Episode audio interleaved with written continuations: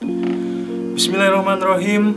Assalamualaikum warahmatullahi wabarakatuh. Selamat pagi, siang, sore, ataupun malam. Untuk kawan-kawanku semuanya Semoga tetap dalam keadaan sehat, selamat, dan jangan lupa bahagia. Nah kawan-kawan sekalian Dalam video ini eh, kita akan membahas materi kuliah Tentang hukum pemerintahan daerah Atau sistem pemerintahan daerah ya eh, Pada kuliah hukum tata negara. Nah ini kita sudah mencapai pertemuan ke-8 Nah kawan-kawan sekalian pada video ini ya kita awali dengan dasar hukumnya. Bisa teman-teman lihat di dalam slide bahwasanya di dalam konstitusi sebenarnya sudah diatur mengenai e, pemerintahan daerah di pasal 18 dan jika di breakdown ke dalam undang-undang itu sebetulnya ada banyak sekali undang-undang yang mengatur mengenai pemerintahan daerah. Setiap beberapa tahun sekali berganti, berganti, berganti karena mengikuti perkembangan politik uh, yang terjadi di Indonesia. Uh, skripsi saya membahas tentang pemerintahan daerah ya khususnya terkait dengan uh, daerah istimewa dan daerah khusus sehingga saya harus mencari undang-undang mulai dari awal Undang-Undang Nomor 1 Tahun 1945 sampai dengan 32 tahun 2000 32 tahun 2004 waktu itu. Nah, kemudian nah di situ dituliskan Undang-Undang Nomor 9 Tahun 2015, Undang-Undang Nomor 2 Tahun 2015 dan Undang-Undang Nomor 23 Tahun 2014. Nah, itu kemudian yang menjadi apa namanya? Uh, patokan kita untuk belajar ya. Undang-undang pemerintahan daerahnya itu yang Undang-Undang nomor 23 tahun 2014 kemudian Undang-Undang nomor 2 dan 9 tahun 2015 itu adalah perubahan-perubahannya. Nah kita mulai. Pemerintahan daerah dalam konstitusi ya terletak dalam pasal 18 pasal 18 ayat 1 Negara Kesatuan Republik Indonesia dibagi atas daerah-daerah provinsi dan daerah provinsi itu dibagi atas kabupaten dan kota yang tiap-tiap provinsi, kabupaten, dan kota itu mempunyai pemerintahan daerah yang diatur dengan undang-undang. Ya, nah nanti ini saya jelaskan ada bagannya. Pasal 18 ayat 2, pemerintahan daerah provinsi, daerah kabupaten, dan kota mengatur dan mengurus sendiri urusan pemerintahan menurut asas otonomi dan tugas pembantuan. Nah, ini yang kemudian nanti muncul juga asas desentralisasi. Pasal 18 ayat 3. Pemerintahan daerah provinsi, daerah kabupaten, dan kota memiliki Dewan Perwakilan Rakyat Daerah yang anggota-anggotanya dipilih melalui pemilihan umum. Nah, di pasal ini menunjukkan bahwasanya di daerah provinsi, daerah kabupaten dan kota memiliki DPRD nah, yang anggotanya dipilih melalui pemilu. Nah, kan sekalian patut diperhatikan bahwasanya antara DPRD dengan DPR, DPD dan MPR itu tidak ada hubungan vertikalnya ya maupun horizontal nggak ada karena uh, kedua jenis atau istilahnya apa ya uh, yang gampang. Jadi antara DPRD dengan DPR DPD dan MPR itu berbeda uh, dasar hukumnya. Kalau kemudian DPRD dia tunduk pada aturan-aturan yang terdapat dalam pemerintahan daerah kemudian kalau DPR, DPD, dan MPR itu kewenangannya diatur dalam konstitusi Nah, oleh karena itu, ketiga lembaga ini tadi, DPD, DPR, dan MPR itu merupakan lembaga tinggi negara, sementara DPRD itu bukan. Ya, jadi tolong itu diperhatikan. Pasal 18 ayat 4. Gubernur, bupati, dan wali kota masing-masing sebagai kepala pemerintah daerah provinsi, kabupaten, dan kota dipilih secara demokratis. Nah, ini yang kemudian uh, kita sebut sebagai pemilihan kepala daerah. Pasal 18 ayat 5 pemerintahan daerah menjalankan otonomi seluas-luasnya kecuali urusan pemerintahan yang oleh undang-undang ditentukan sebagai urusan pemerintahan pusat. Nah, nanti kita akan pelajari juga urusan-urusan mana saja yang menjadi kewenangan pemerintah pusat dan mana yang akan diberikan kepada pemerintah daerah sebagai wujud otonomi daerah atau kemandirian daerah.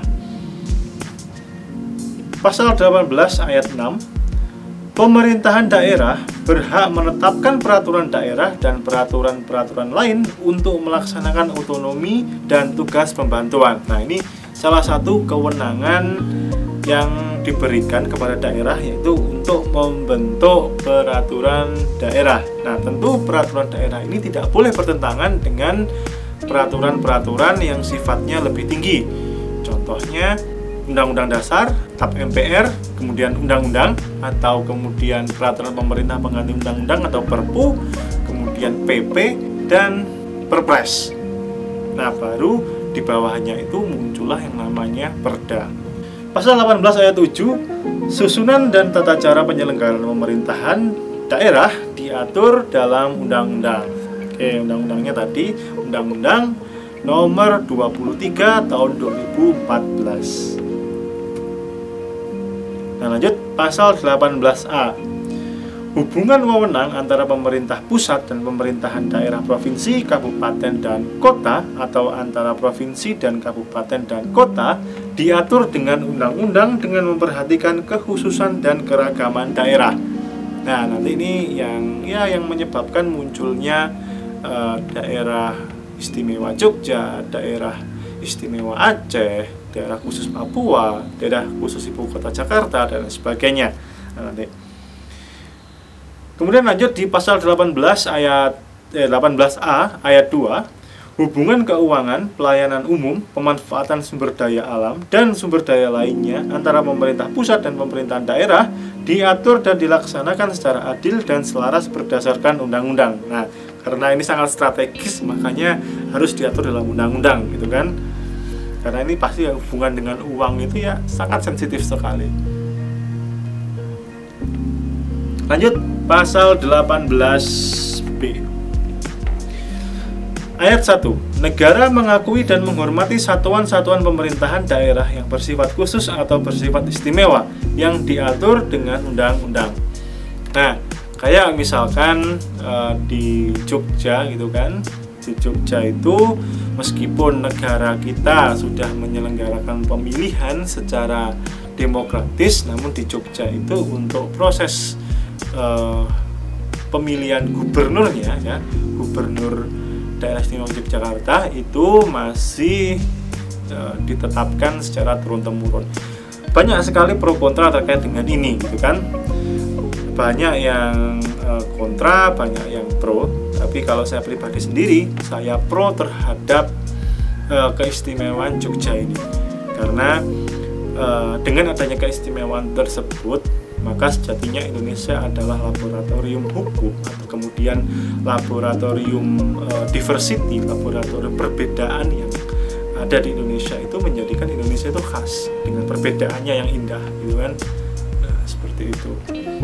Nah, namun bagaimana uh, kontestasi politiknya atau pergolakan politiknya gitu kan? Nah, kita lihat aja gimana perjalanannya nanti. Nah, kemudian Aceh juga, Papua juga banyak sekali yang bisa saya ceritakan terkait dengan uh, soal daerah-daerah istimewa atau daerah khusus tersebut. Pasal 18B ayat 2 Negara mengakui dan menghormati kesatuan-kesatuan masyarakat hukum adat beserta hak-hak tradisionalnya sepanjang masih hidup dan sesuai dengan perkembangan masyarakat dan prinsip negara kesatuan Republik Indonesia yang diatur dalam undang-undang. Nah, nggak tahu nih sampai sekarang udah ada atau belum uh, undang-undangnya yang terkait dengan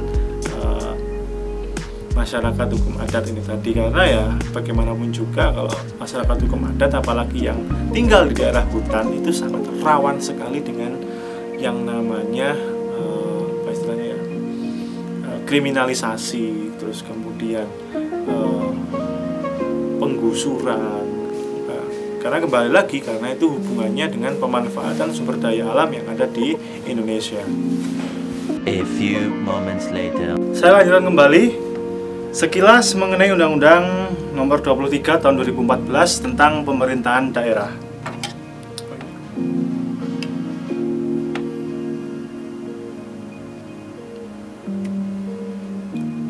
Oke, nah ini bagian yang saya janjikan tadi bahwa negara kesatuan Republik Indonesia itu terbagi di dalam provinsi-provinsi, kemudian setiap provinsi terbagi menjadi kabupaten atau kota. Nah, provinsi dan kabupaten kota itu memiliki pemerintahan daerah yang artinya kalau saya berbicara mengenai pemerintahan daerah berarti itu ada pemerintah daerah yang dikepalai oleh e, gubernur, bupati atau wali kota dan DPRD. Ya, kalau saya ngomongin pemerintahan. Tetapi kalau saya ngomong pemerintah itu hanyalah e, pemerintah daerah yang dalam hal ini yang dipimpin oleh gubernur, wali kota, dan bupati.